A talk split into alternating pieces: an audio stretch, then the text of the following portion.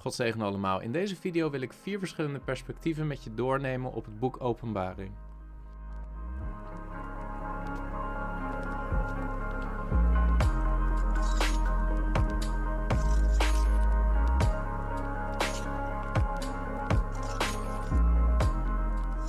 Er is geen enkel boek in de Bijbel wat zoveel controverse met zich meebrengt als het boek Openbaring, geschreven door de apostel Johannes, het laatste boek van de Bijbel.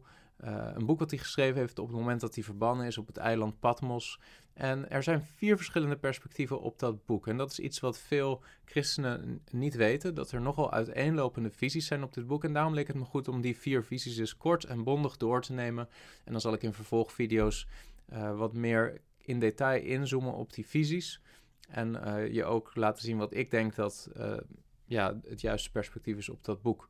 Uh, het eerste perspectief is het perspectief genaamd preterisme. En dat komt van het Latijnse woord voor verleden. En dat Latijnse woord is preter. Dat betekent vroeger of verleden.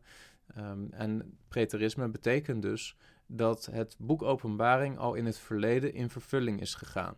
Met andere woorden, preteristen geloven dat op het moment dat Johannes het boek Openbaring ontving en schreef, dat de gebeurtenissen van dat boek voor hem wel in de toekomst lagen. Zeker de gebeurtenissen vanaf hoofdstuk 4 tot het einde. Maar dat een groot deel van die gebeurtenissen voor ons in het verleden ligt. Preteristen geloven dat eigenlijk zo'n beetje het hele boek Openbaring. Eh, afhankelijk van of dat je het hebt over volledige preteristen of gedeeltelijk preteristen. Maar geloven dat uh, een groot deel van het boek Openbaring in de eerste eeuw al in vervulling is gegaan. Ze geloven dan ook dat het boek Openbaring ergens in de jaren 60 is geschreven um, door Johannes. In tegenstelling tot wat veel theologen geloven, namelijk dat het boek ergens aan het eind van de jaren 90 is geschreven. Johannes schreef het volgens preteristen ergens in de jaren 60 en spreekt vooral over het oordeel wat over Jeruzalem gaat komen in het jaar 70. Met andere woorden, voor de apostel Johannes lagen de gebeurtenissen in de toekomst.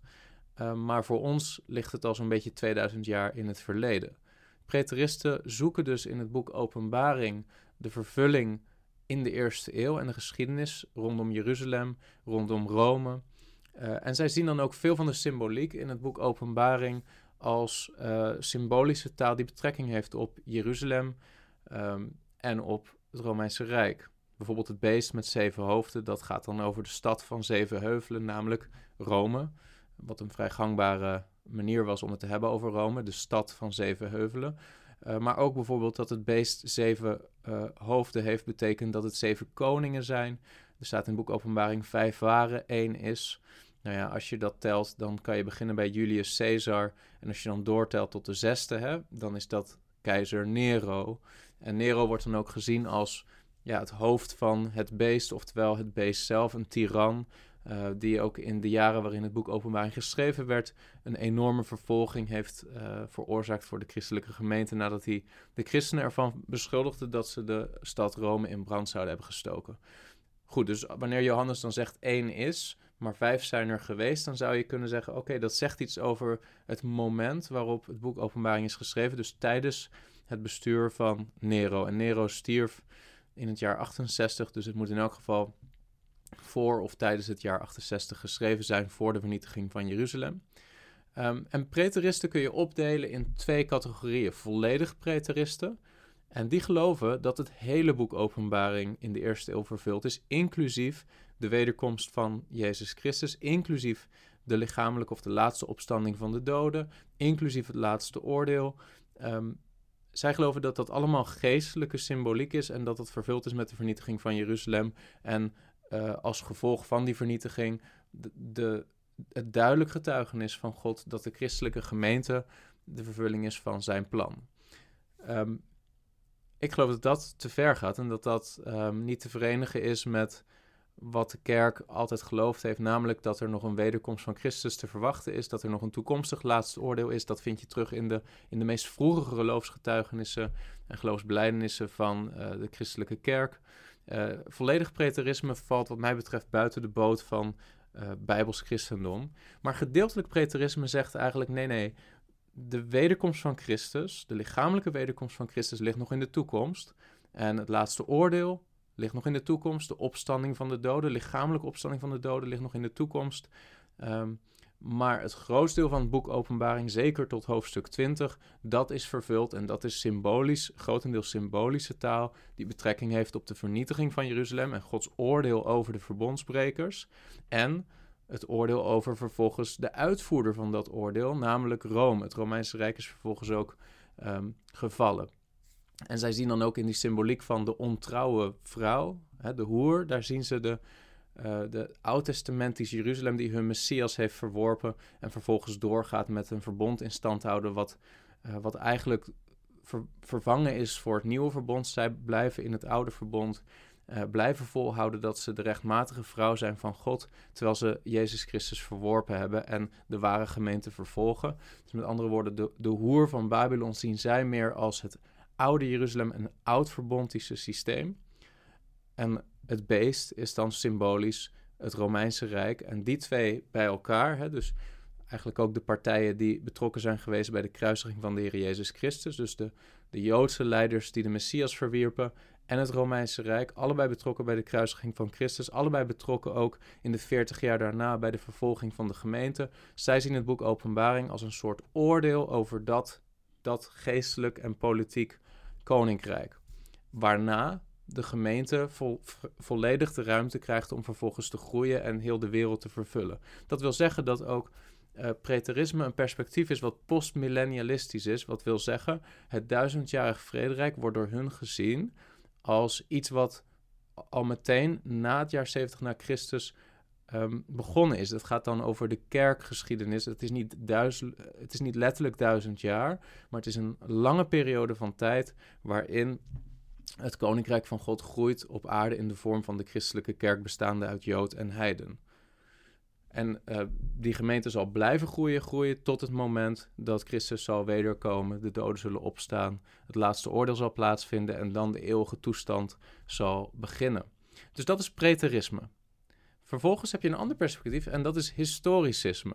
Historicisme eh, ziet het boek Openbaring als een soort samenvatting van de hele kerkgeschiedenis vanaf het moment dat het boek geschreven werd tot aan de wederkomst van Christus. Zij geloven dat het boek Openbaring bijna in een soort chronologische volgorde alle gebeurtenissen in de kerkgeschiedenis beschrijft. Ze denken dan ook vaak dat uh, de zeven brieven aan de zeven gemeenten in Klein-Azië niet alleen maar een betekenis hadden voor die zeven lokale gemeenten op het moment dat Johannes de brief schreef, maar dat die zeven kerken en die brieven symbolisch staan voor zeven tijdsperioden in de kerkgeschiedenis en dus bijna een soort beschrijving geven van de kerk door alle eeuwen heen. Uh, dat, daarbij zien ze allerlei gebeurtenissen door de eeuwen heen, inclusief de islam, inclusief de opkomst van de Rooms-Katholieke Kerk, het pausdom, vervolgens de Reformatie. Ze geloven dat het boek Openbaring op een symbolische manier al die gebeurtenissen beschrijft. Ehm, waarbij ja, de, de reformatie, in de tijd van de reformatie, veel van de hervormers ook op die manier keken naar het boek Openbaring en bijvoorbeeld meenden dat de antichrist of het beest, dat dat eigenlijk zou gaan over de paus en het getal van het beest, hè, 666, dat dat te maken zou hebben met de titel van de paus. Dat is een historicistisch perspectief. Dus in tegenstelling tot preterisme, wat wil zeggen het hele boek is al grotendeels vervuld in de eerste eeuw, is historicisme meer het begint in de eerste eeuw, maar het geeft betrekking op de hele kerkgeschiedenis. En een derde perspectief is het perspectief van futurisme. En dat is eigenlijk in de evangelische wereld in Nederland een heel populair perspectief. En dat gaat ervan uit dat Johannes in de openbaringbrief schrijft over gebeurtenissen die voor Johannes zelf in de verre toekomst liggen. En die voor ons ook nog steeds in de toekomst liggen, maar waarschijnlijk wat meer in de nabije toekomst. Uh, dat is een heel populair perspectief, zeker met de bedelingenleer die in de 19e eeuw uh, opgekomen is. Waarbij eigenlijk het idee is dat zo'n beetje vanaf hoofdstuk 4 van het boek Openbaring, uh, dat Johannes het heeft over een periode van zeven jaar. Dus dat al die dingen die beschreven worden in de hoofdstukken daarna, dat dat eigenlijk allemaal gaat over een vrij korte periode van zeven jaar, waarin ook de grote verdrukking wordt beschreven. En men gaat er dan van uit dat zo'n beetje het hele boek Openbaring zelfs voor ons dus nog in de toekomst ligt. En dat is eigenlijk altijd een premillennialistisch perspectief. Wat wil zeggen, ze geloven in een vaak een letterlijk duizendjarig vrederijk, wat nog zal gaan komen, wat begint op het moment dat Christus wederkomt. Een vierde perspectief, en dat is het laatste wat ik wil noemen, is het idealisme of het idealistisch perspectief. Uh, ook wel genoemd het spirituele perspectief of het geestelijke perspectief op het boek Openbaring. Wat wil zeggen, het boek Openbaring is meer een idee wat beschreven wordt, maar we moeten niet zoeken naar een letterlijke aardse vervulling daarvan. Het is eigenlijk één grote gelijkenis die gaat over de, de kosmische strijd tussen goed en kwaad, het conflict van alle tijden en de symboliek in dat boek en de, de parabolen, de gelijkenissen, moeten we eigenlijk zien als gewoon een voortdurende strijd. En dat perspectief is dan ook helemaal niet bezig met een soort letterlijk duizendjarig vrederijk. Meestal zijn de aanhangers hiervan amillennialisten, dus mensen die niet geloven dat er een letterlijk duizendjarig aardsvrederijk is, maar dat het meer een soort hemelse toestand beschrijft. En zij zijn dan ook helemaal niet zo bezig met het zoeken naar vervullingen van de symboliek in het boek Openbaring. Dus even samengevat nogmaals het eerste perspectief, preterisme. Het hele boek is al vervuld in de eerste eeuw, of in elk geval op de laatste hoofdstukken na het hele boek. Historicisme, het boek beschrijft chronologisch de hele kerkgeschiedenis. Ten derde futurisme, het, grootste deel van het boek moet nog in de toekomst vervuld worden. En ten vierde idealisme of geestelijk perspectief.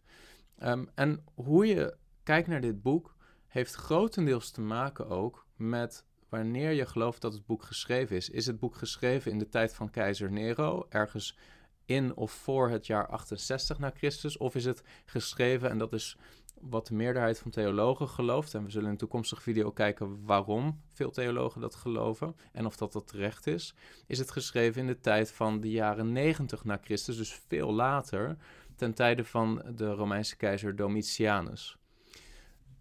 Persoonlijk geloof ik dus nogmaals dat een volledig preteristisch perspectief, dat dat buiten de boot valt van uh, Bijbels christendom, omdat daarmee de wederkomst van Christus zodanig vergeestelijkt wordt en de toekomstige opstanding van de doden, dat het niet meer te verenigen is met wat Paulus heel duidelijk onderwijst in 1 Korinthe hoofdstuk 15, namelijk dat er nog een toekomstige lichamelijke opstanding van de doden te verwachten is. Um, maar gedeeltelijk preterisme heeft denk ik Bijbels hele sterke papieren en daar zullen we in de toekomst ook naar kijken.